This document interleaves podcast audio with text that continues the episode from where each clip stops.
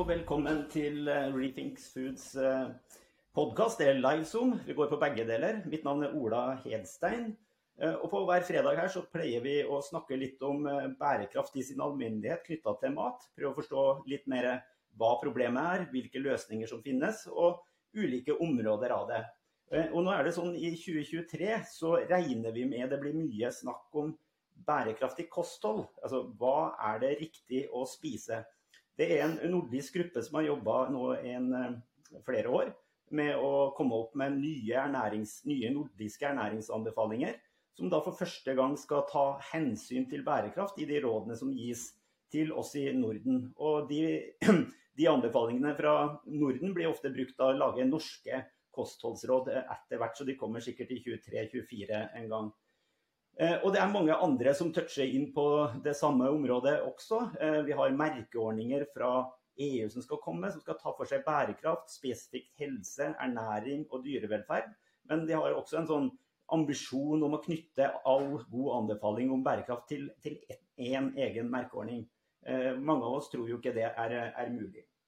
Så det skal vi jobbe med, høre mer, snakke mer om i, i dag. Men men det vi skal gå inn på i dag, det er liksom selve forbrukeraspektet. Altså hva, hvordan er det med oss forbrukere, hvordan oppfatter vi ting, og hva mener vi om ting. Eh, og til det så må vi ha med oss en ekspert, for det er jo ikke jeg, så da må vi finne en som kan det. Og eh, velkommen, Anniken eh, Barbugge. Tusen takk. Du er, ja, du, jo, eh, du, jobber jo med forbrukerforskning ved eh, SIFO på Oslo OsloMet. Eh, og du har jo gravd litt inn i, sinnene på oss forbrukere og prøvd å forstå hvordan vi fungerer og tenker, og om vi gjør som vi sier, og hvordan alt dette henger sammen. Og så du, leder du et, et prosjekt som jeg syns er ganske spennende, som heter Food Lessons, hvor dere ser på den kulinariske arven eh, og hva vi kan bruke den til. Og så var du i tillegg med på en rapport som ble eh, lansert eh, tidligere i uka fra Det norske vitenskapsakademiet, hvor dere rett og slett peker ut veier til et mer bærekraftig matsystem. Bredt engasjement, må jeg si. Hva er det som engasjerer deg mest? Er det, er det maten, eller er det liksom fagområdet forbrukerholdninger? Ja, jeg må jo si at det er maten. Jeg har jo jobbet nå med mat siden midten av 90-tallet. Eh, og det første oppdraget jeg fikk, det var eh, fra Opplysningskontoret i landbruket. Og bakgrunnen for at jeg fikk det oppdraget og på en måte rotet meg da, inn i matforskningen, som jeg syns er utrolig spennende, det var at man den gangen tenkte at det sto veldig dårlig til med nordmenns spisevaner. At det var i oppløsning. Vi hadde lav matkulturell selvfølelse, ingen spiste middag, vi slukte ferdigmat. ikke sant. Så vi, det var den første undersøkelsen som jeg egentlig ja, det var sånn jeg kom inn i matfeltet, og også fattet veldig interesse for det da. Ja, sluker hos maten og ikke er for opptatt av den. Um, har det skjedd noe siden den gangen? Altså, er, er, vi som forbrukere veldig konservative, eller er vi i stand til og villige til å endre matvaner? Det er jo mange som prøver å fortelle oss uh, hva vi skal kjøpe i det, både den ene og andre retningen, ikke bare på mat, men også veldig mye på mat, så er det jo mange som har gode meninger eller, eller råd til oss. Eh, virker de? Ja, nei, altså Det har jo skjedd enormt på de tiårene jeg har jobbet med mat. Det ene er jo denne veldig økende stoltheten av norsk mat og tradisjonsmat. Den var jo ikke til stede på 90-tallet. Da skulle jo alt være kontinentalt og langreist og utenlandsk. Eh, så når du spør om dette med forbrukerholdninger, så ser jeg jo veldig tydelig Vi er jo i kontinuerlig endring. Og hvordan det vi putter på tallerkenen, altså det gjenspeiler jo også tidsånden. Altså de preferansene og prioriteringene og praksisene vi har. Så i dag er det jo mye moral på tallerkenen. Eh, jeg kan jo gå tilbake til eh, Du, du sa moral? Ja. ja, moral på tallerkenen. Ja, det, var, det begrepet hadde jeg ikke hørt før. Men uh, ja, fortsett. Hva, hva, hva, legger du i det? det kan jeg, komme, altså jeg tenkte at det jeg hadde lyst til å si når du spør om dette med forbrukerholdninger, om vi faktisk endrer oss, så er det jo faktisk det jeg har sett. Tenk på 80-tallet. Den gangen visste vi jo ikke forskjell på mettede og umettede fettsyrer. Vi hadde ikke hørt om begrepet kolesterol. Norum var fast gjest i eh, fjernsynskjøkkenet og lærte nordmenn om dette med fett. Og det var et veldig sterkt ønske om at vi skulle redusere fettinnholdet i kosten, kosten vår. Så kommer lettmelk på slutten av 80-tallet, eller 1987. Eh, og vi bytter ut H-melken med lettmelk. Så det er ett eksempel på forbrukernes villighet og hvordan vi tar til oss ny kunnskap. På slutten av 90-tallet så lå vi på altså, topp når det gjaldt sukkerholdige leskedrikker, og sukkerforbruket vårt var veldig høyt. Dette ønsket helsemyndighetene å gjøre noe med. Og vi fikk jo disse erstatningene med sukkerfri brus. Nå er jo det diskutert hvorvidt det er heldig eller ikke. Men igjen, altså sukkerforbruket i Norge har jo gått jevnt og trutt nedover de siste 10-15 årene. Så man ser jo at forbrukerne hele tiden endrer seg og er villig. Det betyr jo ikke at vi gjør alt riktig. Og så kan vi jo komme tilbake til vår tid og moral på tallerkenen, da. Ja, men eh, apropos det eh, du har sagt til, nå, for det er jo endringer. Men er, er det eh, Altså, det, det, du sa da, at eh, vi liksom gjør noe i, ja, i, takt med den tiden vi lever. Eh, og så nevnte du noe om fett og noen andre ting. Eh, men er, det sånn Kan jeg dra den ut i ytterligheten og si at det, det er bra det er noen fagfolk som gir råd her, men det er litt sånn motebetinget? Ja, altså mat er jo også mote, men på den annen side, ernæringsvitenskapen har jo bidratt med veldig mye verdifull kunnskap. Eh, alt fra vitaminer til fettstoffer til eh, sukkerforbruket vårt. Og vi tar det til oss. Og så er det klart at det kommer motedietter. Det har jeg også forsket på og sett eh, at det også fenger, ikke sant.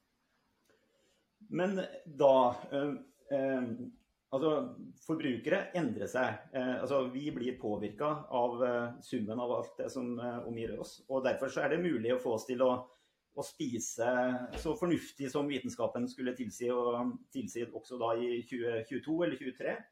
Eh, men midt i det, da eh, Når du ser på nåtidsbildet med, med, folk flest og kjenner hva som har skjedd opp gjennom de siste to-tre tiårene, eh, hva slags endringer er folk flest villig til å gjøre? Mm. Nei, altså jeg ser jo at mat i økende grad er blitt hva skal jeg si, veldig sånn komplisert. Um, det er veldig mye uro, skyld, dårlig samvittighet og usikkerhet. Og de aller fleste av oss har jo veldig lang avstand til matproduksjonen. Eh, det er rundt 10% som sier at de har god kjennskap til matproduksjon. Omtrent det samme som sier at de kjenner noen som driver med husdyrproduksjon. Så det er klart at avstanden er blitt lang. Eh, så kunnskapen vår om hvordan maten produseres, den er det mange som gir uttrykk for at de har dårlig kunnskap om. Og så ser vi veldig tydelig at eh, matvalgene i økende grad også At man er opptatt av at de valgene man gjør, ikke skal ha negative konsekvenser, sånn som jeg har sagt om helse. Men også i økende grad dette med natur, miljø, dyrevern, dyrehelse. Eh, fremtidens generasjoner, altså produksjonsarbeiderne. Så det er blitt veldig komplekst. da. Eh, og bare de aller seneste årene så ser vi jo nettopp dette med at beredskap og bærekraft virkelig er noe som ja, forbrukerne i økende grad engasjerer seg altså, og, og øk, altså, det er økt bevissthet og oppmerksomhet omkring de forholdene. Da. Så det kommer jo også veldig tydelig frem. Så hvis du skal ha noen tall av meg, så ja, prøv. er det f.eks. syv av ti som mener at vi bør øke eller opprettholde norsk matproduksjon. Nei, nei, øke eller opprettholde norsk kjøttproduksjon. Eh, det omtrent det samme sier det samme om melk og meieri og fisk. Mhm. Eh, og så er det også slik at eh, de aller fleste sier at de foretrekker norsk mat. Og når vi spør om hvorfor de foretrekker norskprodusert mat, så handler det i aller størst grad om å støtte norske arbeidsplasser Videre så handler det om eh, at det er høy tillit til norsk matproduksjon. Man oppfatter at det er relativt god dyrevelferd, eller i hvert fall bedre enn i mange andre land. Mindre medisinbruk. Så i det hele tatt, det er høy tillit til matproduksjonen, og man er blitt mer bevisst på dette med matusikkerhet, rett og slett. Det må jo glede en norsk bonde å høre det du sa nå. For du, gjennomgående så sa du at det er et, et kvalifisert flertall, eller et stort flertall, mm. eh, for å eh, kan si, velge mat som bygger opp under både en norsk eh, fiskerier, landbruk, og, men også norsk industri, egentlig. Mm. Åtte av ti sier at vi, de ønsker å spise mer lokalprodusert mat. Altså Det er virkelig en endring. Og jeg ser også i norske spisefakta, som Ipsos gjør, veldig økende interesse for dette med tradisjonsretter, og også andelen som sier at de kjøper lokalmat. Så det er virkelig i tiden. Igjen dette med hvordan ti, altså tidsånden gjenspeiler seg i preferanser og prioriteringer og praksiser. Og så betyr det nødvendigvis ikke at vi gjør alt riktig. Vi spiser f.eks. For, for lite frukt og grønnsaker, og vi spiser mindre fisk og sjømat enn det helsemyndighetene ønsker. Så vi gjør jo ikke alt perfekt, men likevel så ser jeg at det, vi blir jo veldig påvirket. Ja, det, det var et veldig, veldig, overbevisende tall. Eh, men eh, har du, eh, har du da eksemplene på ja, Hvis vi tar sånn trender eller Ja, én ting er at vi skal spise mer plantebasert, som det heter. Altså mindre animalsk og mer frukt og grønt og bær. Og nøtter pleier noen å slenge med der. Hva, hva, hva, mener dagens forbrukere om det? Altså, er, de, er, de, er, de, opptatt av å spise mer av de plantebaserte produktene? Ja, Det topper jo listen over hva forbrukerne ønsker å øke forbruket av. Nå begynner det å bli noen år siden jeg gjorde den undersøkelsen, men vi spurte alle de som ikke spiste eh, like mye grønnsaker eh, som, og frukt som helsemyndighetene anbefalte, hva som var begrunnelsen for at de ikke spiste mer. Og da var det faktisk bekymringer for sprøytemidler og den type ting. Det samme ser vi på fisk og sjømat, at det er liksom litt bekymring rundt dette med oppdrettsfisk, miljøgifter. Så det er jo ikke det at folk ikke De sier jo at de liker fisk, de syns det smaker godt, ikke sant. Og så er det et veldig skille mellom unge og eldre. Så ja. at unge spiser mye mindre fisk og sjømat enn de eldre. Så en uh, viss uh, generasjonskløft uh, er i emning. når du kommer inn på disse detaljene, så må jeg spørre om en, en annen ting. og Det, det er noe som, som jeg vet er veldig aktuelt og høyt oppe i debatten i England, USA. Altså at du får et et sånn uh, klasseskille i, i, matfatet ved at uh, noen har ikke råd til å spise det som er riktig, og ender opp da å spise veldig mye salt, fett, sukker uh, og veldig prosessert mat som ikke har veldig stor næringsverdi. Er, er, det en egenskap i, som kommer fram hos forbrukerne, altså sånne spørsmål hos, i forbrukerundersøkelser?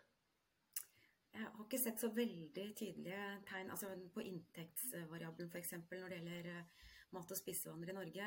Utdanning har noe å si, og kjønn slår veldig ut på dette med f.eks. frukt og grønnsaker.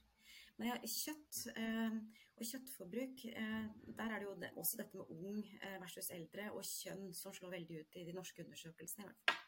Så kjøttspising. Ja. Mm. Du, det er jo litt oppløftende, da. Det er lov å si noe om kjøtt, for det er jo ja, ja. så mye om. Fordi eh, med tanke på dette med at vi skal liksom gå over til mer plantebasert føde, så ser vi jo at det er en relativt stor villighet blant forbrukerne til å redusere kjøttforbruket. Men eh, syv av ti sier at de er altetende. Det er tre av ti som sier at de kan tenke seg å redusere kjøttforbruket sitt. Når det gjelder det med å bli vegetarianer eller identifisere seg som det, så er det få i Norge, og det har endret seg i liten grad eh, det siste tiåret. Så det, igjen der med med villigheten. Vi gjør små justeringer og endringer. Bytter ut noe av kjøttet med grønnsaker når vi lager kjøttretter. Gjennomfører kjøttfrie dager. ikke sant? Men vi er ikke ja. villige til å gå over til ja, insekter, alger eller vegetarianisme. Det er i hvert fall det våre undersøkelser viser. da. Så de små, det er liksom små justeringer og endringer jeg tenker er eh, realistisk å oppnå. da. Ja, skru litt på ting i den rette veien, men um forbrukerne er ikke villige til å er ikke veldig opptatt av, det, rett og sagt, eh, kanskje rett å si veldig opptatt av å ta sånn eh, ekstremvarianter av kostholdet. Så skifte bort ifra noe helt annet. Det, det er de, der er de ikke. Nei.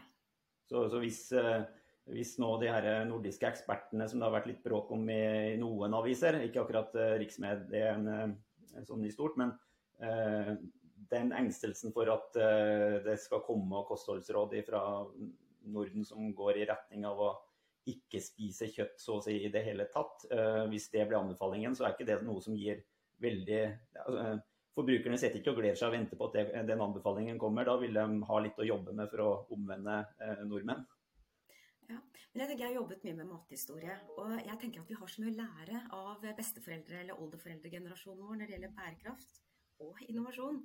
Altså Hadde vi gått litt tilbake i tid, så hadde vi jo spist mye mer sild. Vi hadde hatt mye mer fisk og sjømat. Vi hadde hatt mye mer poteter og rotgrønnsaker på tallerkenen, og litt mindre kjøtt. Og Da har du de små justeringene og alle de gode tradisjonsrettene, på en måte. Så det er jo en litt sånn enkel måte å gå i en mer bærekraftig retning, da.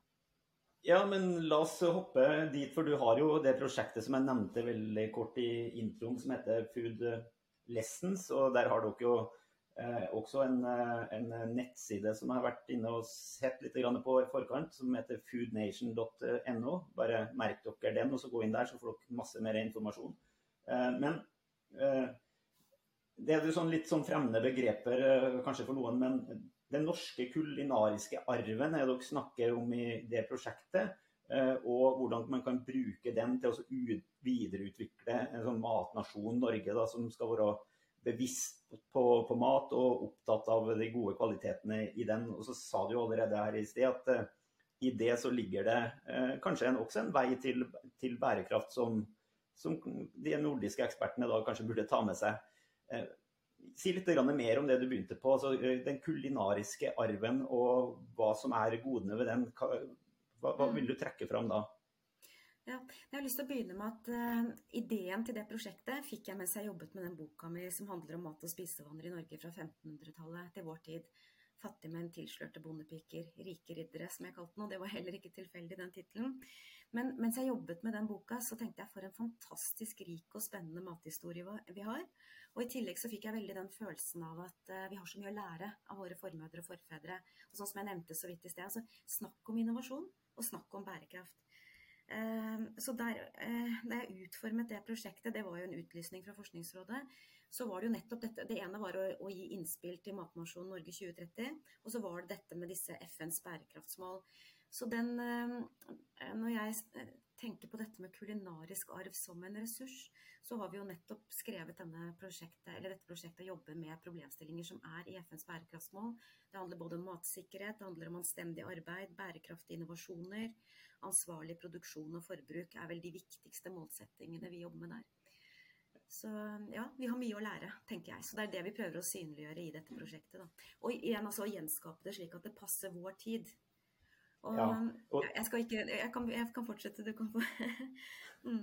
Nei, men jeg, jeg, jeg syns det her absolutt var, var relevant. Og liksom for å gjøre det veldig så, så konkret, så nevnte du jo sild og potet som to verdifulle eh, matprodukter som vi gjerne skulle ha spist mer av. Eh, er det noe vi spiser mindre av, eh, som vi ikke burde ha spist mindre av, så er det jo kanskje akkurat poteten. Eh, og sild er vel bra det også, bare det ikke blir for mye, for den er jo ganske fet. Så det er vel sikkert noe begrensninger der. Men sild og potet det var en bra del av et uh, norsk kosthold. Når du tar tak i sånne ting og så ser eh, i dagens samfunn, eh, hvordan kan vi få sånn læringsoverføring? Hva, hva kan vi plukke opp fra, fra det kostholdet og en sånn type diett? Går, går, det an å si noe om det, egentlig? Ja, det som kanskje har fascinert meg aller mest, det er jo denne kreative ressursutnyttelsen. Og den, når de først hadde slakta et dyr, så spiste de jo hele dyret. Og de kasta jo ikke mat. De hadde en helt sånn annen ærbødighet eh, og takknemlighet i forhold til maten. Så det er veldig mye av det jeg ønsker å ta med videre også. Eh, og det siste året så har jeg vært ute på feltarbeid. og intervjuet mange av disse dyktige kokkene våre, og de er jo så kreative. Og det er helt opplagt at de også er veldig inspirert av oldemors kjøkken. Altså de tar i bruk veldig mange ting som vi ikke lenger ser på som spiselig. Blod, innmat, ikke sant. Eh, skeive, rare gulrøtter, kje, høne. Altså de tester ut. Jeg har fått blodpølser ikke sant, på gourmetrestauranter nå. Eh, så det er det ene. Og også har jeg vært eh, hos mange flinke bønder. Jeg har vært på Støl og sett på alt det kreative og, og, og liksom ressursutnyttelsen de driver med der. Eh, så ja, jeg syns jeg har lært veldig mye av å være hos disse flinke bøndene og kokkene med tanke på bedre ressursutnyttelse. Og det er vel noe av det jeg tenker er noe av det viktigste vi kan lære av fortidens generasjoner. Er det Vi bruker våre egne ressurser, ikke minst. Altså lokale norske matressurser. Utmarksressursene våre. Mm. Ja, det er jo et eh, Da kommer vi jo litt inn i dette bærekraftforståelsesbegrepet. Eh, det er jo Altså Hvis eh, norske forbrukere er opptatt av sånne ting som matsikkerhet og forsyningssikkerhet og selvforsyningsgrad og de ordene der, så gir det seg at eh, det har en verdi at vi lager mat av de norske ressursene. Og da er det sånn jeg forstår det, det du har sagt, det, det, er overførbart til at eh, ser eh, mange nordmenn den sammenhengen, så er det også noe de da gjerne har eh, lyst til å preferere i sine kostholdsvalg, rett og slett. Eh, og det, det, det, gir jo mening, eh, mening, for meg at eh, nordmenn syns ikke det er bra hvis vi blir avhengig av å bruke matproduksjonsarealene i andre, andre land. Det betyr, betyr, selvfølgelig ikke at vi ikke skal kjøpe noe mat fra andre land, men, men, rett og slett ikke være avhengig av andre lands ressurser når vi skal spise det selv. Og det, det er jo bra hvis det blir en forståelse av hvordan folk flest, oss forbrukere, oppfatter bærekraft, syns jeg. Mm. Nei, Det har faktisk overrasket meg. Det er blant de nyeste undersøkelsene eller spørreundersøkelsene jeg har vært med på. Da spurte vi nettopp om dette med betydningen av, eller bekymringer for gjengroing, biologisk mangfold, dyrevelferd, eh, matsikkerhet, produksjon av Altså det at vi skal produsere mat på lokale norske ressurser. Og det overrasket meg hvor stort engasjement og hvor stor bevissthet forbrukerne faktisk hadde rundt det. Eh, og så sa du jo noe med eh, herre med matsvinn, å utnytte ressursene og ikke kaste ressurser. Det er jo selve altså, det er jo beskrivelsen av en sirkulært økonomisk eh, system, egentlig. Og det eh, var de bevisste på for eh, 50-100 år siden. Eh, kanskje ikke bevisste på akkurat det sirkulære, men de var bevisste på at det å sløse med ressursene kunne straffe seg når, når det plutselig ble for lite av dem. Eh, så da brukte de alt eh, Er det noe eh, noe som vi kan få ordentlig sterkt inn i moralen? Da? Du sa jo at maten inneholder mye moral i dag. For satt det enda sterkere? Er det, er, det, er det, realistisk å tenke sånn? At vi blir som bestemor, vi kan slutte å kaste ting? Ja, jeg syns vi har begynt å gå i den retningen allerede. Ja. Eh, folk eh, er blitt mye mer bevisste på det med matsvinn. Eh, og det er jo veldig mange som uttrykker dårlig samvittighet når de kaster mat. Og det med restemat har jo kommet opp sant, på dagsorden. Så jeg ble jo også selv veldig sånn Når du ser på hva vi kaster mest av, f.eks. gammelt brød, tørt brød, er jo det vi moderne forbrukere kaster mest av. Går du tilbake i kokebøkene for et par generasjoner siden, så var jo det de fantastiske dessertrettene våre. Og de brukte jo det til brødpudding og tilslørte bondepiker og arme riddere heter jo på fransk pain perdu, som betyr tapt brød. ikke sant? De, og de brukte de sauser osv. Så, videre. så det, jeg tenker at vi kommer til det er ikke, altså, Vi er så opptatt altså, Jeg syns det er så uanstendig det at vi har på en måte kaster så mye mat. Jeg tenker også at det er stadig flere forbrukere som også går i den retningen. da. Det, det håper jeg virkelig stemmer. Og da må jeg jo stille et spørsmål som jeg skulle ta innledningsvis, men som jeg glemte. Det er jo eh, det er jo nettopp eh, det du er inne på her. Altså, er det sammenheng eh, Ta det eh, sånn helt grundig. Hvor stor sammenheng er det mellom det vi gir uttrykk for at vi er villige til å preferere, og den faktiske handlingen vi har? Finnes det god forskning og tall på som gjør oss klokere på det? Altså, eller uttaler vi oss for å være politisk korrekt og moral ja, sånn, i, i tråd med tidens moral? Eller er det en sterk forpliktelse når du svarer på at du er villig eh, til også å gjøre tilstrekkelig nok til at det merkes? Ja, det var jo sånn som jeg sa innledningsvis, at tiden, altså at kjøkkenet på en måte altså Tidsånden gjenspeiler seg i hva vi putter på tallerkenen. Eh, så kunnskapen vår om f.eks. fett og sukker, salt påvirker eh, spisevannene våre. Og som jeg også sier, de fleste sier at de ikke er villige til å fjerne eller ikke spise kjøtt. Og det er vel mm. også det forbrukstallene viser. Eh, sånn at der er det jo en betydelig motstand f.eks., men samtidig redusere noe. Eh, mm. Så jeg vil ikke si at det er sånn Nei, jeg tenker at holdning, handling henger sammen. altså Tidsånd, preferanse og prioriteringer henger sammen. Da. Det er vel det mine historiske studier viser ganske tydelig. Jeg må jo si at Sånn som du beskriver forbrukeren eh, i denne samtalen, så syns jeg den norske forbrukeren høres, høres ganske klok ut. Ja, men det betyr jo ikke at vi ikke gjør feil. Nei. Nei. Sånn det, og, og jeg, jeg, tenker også at det er ikke sånn at man skal skylde på den yngre generasjonen fordi de kaster mer mat enn de eldre, eller spiser mindre fisk og sjømat eller mer kjøtt. De er jo igjen barn av sin tid, ikke sant. Eller, og det, er, det samme er jo jeg. Jeg har jobbet med historieboka, men jeg møtte meg jo selv veldig i døra. Jeg tenkte jeg har jo aldri vært sulten, jeg har aldri opplevd matusikkerhet. Jeg har aldri Nei, liksom jeg tar det for gitt at jeg får alt hva hjertet begjærer i butikken. Så jeg også ble veldig sånn bevisst på at sånn har det faktisk ikke vært, og det helt opp til 50-tallet. Så jeg følte meg ganske bortskjemt, da, for å si det sånn.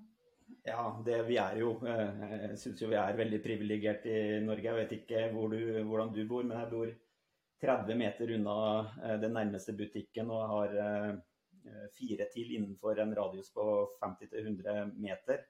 Eh, og har et svært kjøleskap. Eh, men nå når jeg ikke har barn lenger, så bruker jeg jo Coop-en og, uh, og Jokeren som kjøleskap, egentlig. Det har veldig stort kjøleskap rett over gata.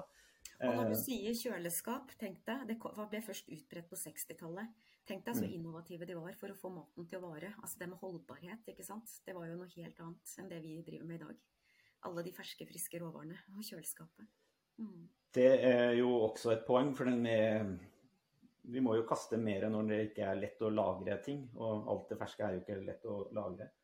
Men eh, vi begynner å nærme oss eh, litt eh, på slutten også. Tiden går fort. Men vi må jo snakke om Eh, den rapporten du eh, var med på, eh, og som ble da lansert tidligere i uka fra Vitenskapsakademiet, mm.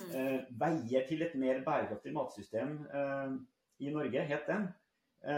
Og der var det, jeg husker ikke hvor mange, men det var sånn 11-12-15 anbefalinger i den.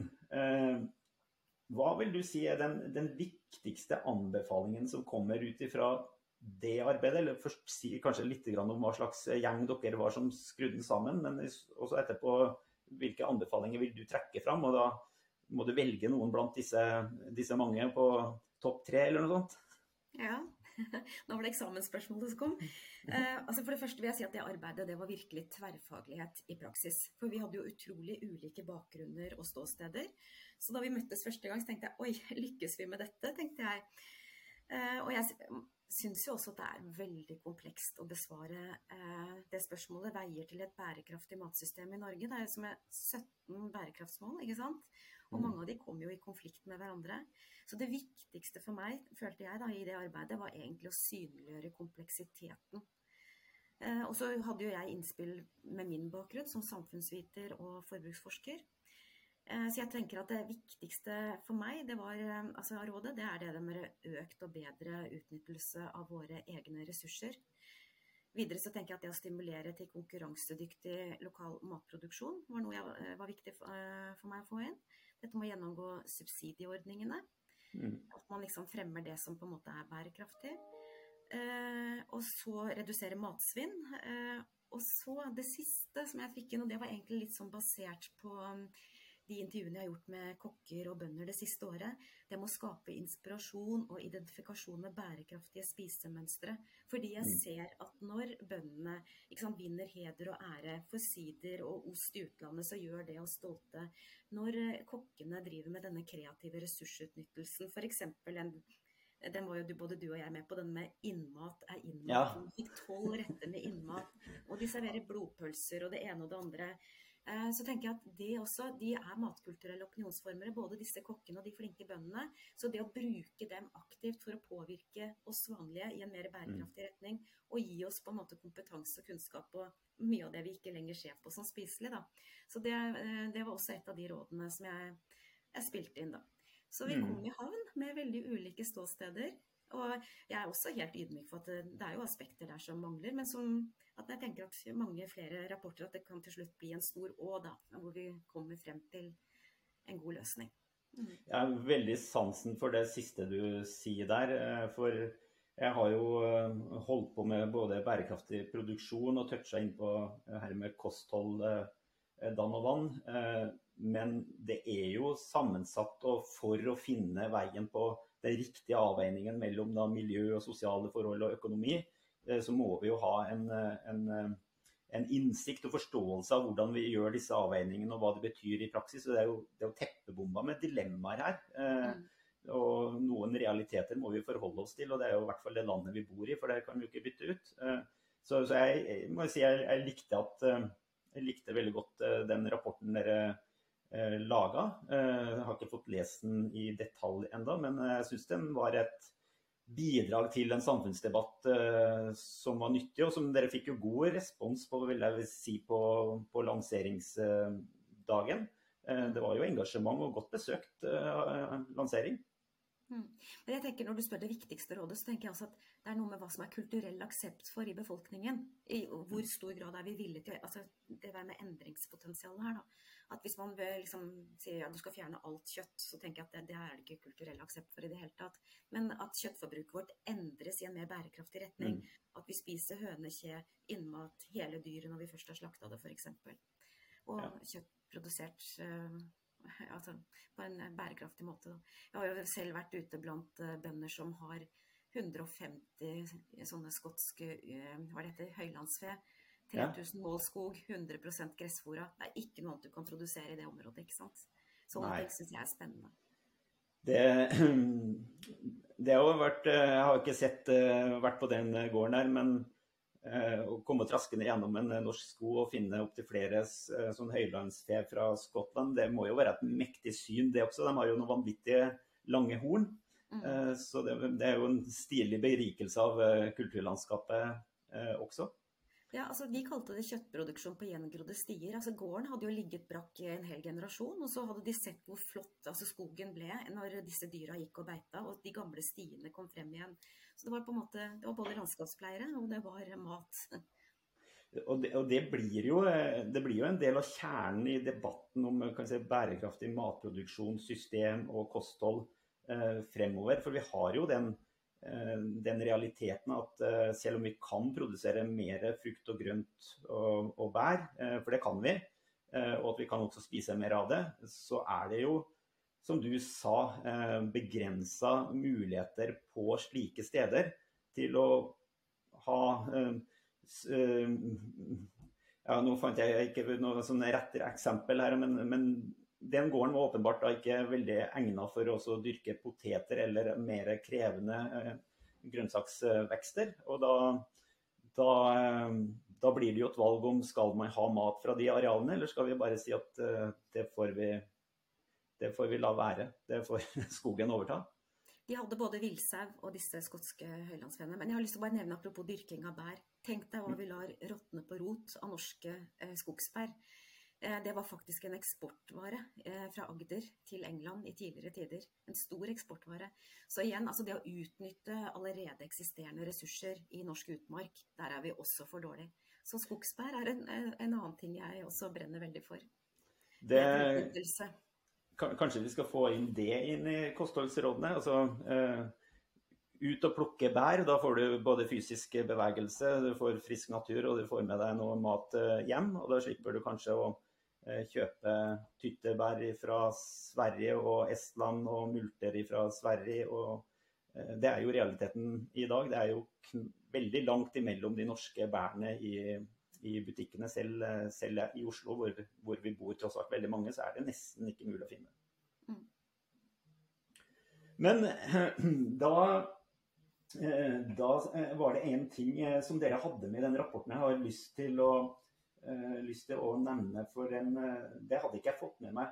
Men det var sånn i 2021 så var det FNs Food System Summit, en stor konferanse i, i Italia, tror jeg. Uh, hvor man for første gang så på matsystemet i, en sånn bærekraftsammenheng. jeg oppfatta at man ikke ble enige om alt der nede, men en av de tingene som, som ble satt i gang, var at de som var med på konferansen, altså de landene, Eh, de vurderte da hvordan de skulle gjøre endringer nasjonalt ettertid. Eh, og I den rapporten så har dere eh, funnet ut at det er over 120 land som har laga eller er i ferd med å lage veikart for et bærekraftig matsystem innenfor 2030. Men det gjør vi jo ikke i Norge. Nei, jeg så det. Og jeg har ikke fått noe klarhet i begrunnelsen for at vi ikke ble med i den avtalen. Men vi lager jo vårt eget system, da, tydeligvis. Jeg så jo regjeringen hadde jo gitt NIBIO et oppdrag nå i går, bl.a. Så vi jobber jo med det. Men eh, jeg vet ikke hva som var årsaken til at vi ikke valgte å gå inn i den avtalen. Nei, for det hadde jo Nei, det, det, det vet jeg ikke. Jeg, jeg, hadde absolutt ikke, for jeg var ikke klar over at det var liksom Jeg hadde ikke fått med meg at det var satt i et, et sånt system. Jeg vet jo at Sverige holder på med ting, og at det er eh, arbeider i, i andre land, og ikke minst Eh, jeg er jo en smule imponert over omfanget av det arbeidet som, eh, som EU har satt i gang. Og syns våre norske aktiviteter ikke helt måler seg eh, med det. Både på produksjon og kostholdssida. Men så har vi da prosjekter sånn som, sånn som du har deltatt i hos på Vitenskapsakademiet. og Folkehelseinstituttet har jo et prosjekt som heter Newtool, som virkelig graver ned i hva slags kriterier skal man bruke i merkeordninger for å gi forbruker god forbrukerinformasjon. Eh, så det er ikke det at det ikke skjer noen ting, men den der nasjonale biten, den, den har jeg ikke sett. Og jeg har jo hørt at det er eh, andre som har oppfordra eh, politikerne eller regjeringa til å sette i gang sånne ting. Og det blir jo klarere for meg at det er rett å oppfordre til det, når det var en aktivitet etter Food System Summit som veldig mange land har, og vi da ikke har i Norge. Så det, der må vi komme oss med på lista etter hvert, syns jeg. Mm. Men da har vi litt kommet til veis ende. Er det riktig å oppsummere sånn så at kostholdsråd, ernæringsråd, eh, bærekraftsråd til forbrukeratferd, det er det riktig å gi. Eh, fordi forbrukere er faktisk påvirkbare, og de er interessert i å finne ut mer av hvordan de kan være moralske eller ansvarlige i, sin, i sine, sine, valg. Eh, og at det derfor er et, et rom for å påvirke for forbrukere dit. Men de er ikke klare for noe sånn revolusjonære grep i sin egen diett. Eh, de er opptatt av andre ting enn det idealistiske, korrekte. Mm. Og så tror jeg all den uroen som har skjedd de siste par årene, også har ført til en sånn økende søken etter trygghet og ja. røtter og historie, på en måte. Og dette med matsikkerhet, at vi har blitt mye mer bevisste. Så beredskap, bærekraft har kommet høyere opp på dagsorden. Men når det er sagt dette med at forbrukernes vilje til å endre seg, så må det jo selvfølgelig legges til rette for å gjøre de gode valgene også, ikke sant. Så det er ikke forbrukernes ansvar alene. Nei, det, er, det må jo være å henge, henge, med de økonomiske systemene, sånn at det riktige valget ikke er det absolutt dyreste du, du gjør. Da er det jo ting som er eh, gærent i systemet bak. Mm. Eh, Tusen takk, Annekken. Eh, jeg lærte mye av dette. Har eh, lyst til å grave mer i det. Jeg må følge, med, følge sterkere med på dette prosjektet Food Lessons. Jeg anbefaler alle å gå inn på, på nettsidene.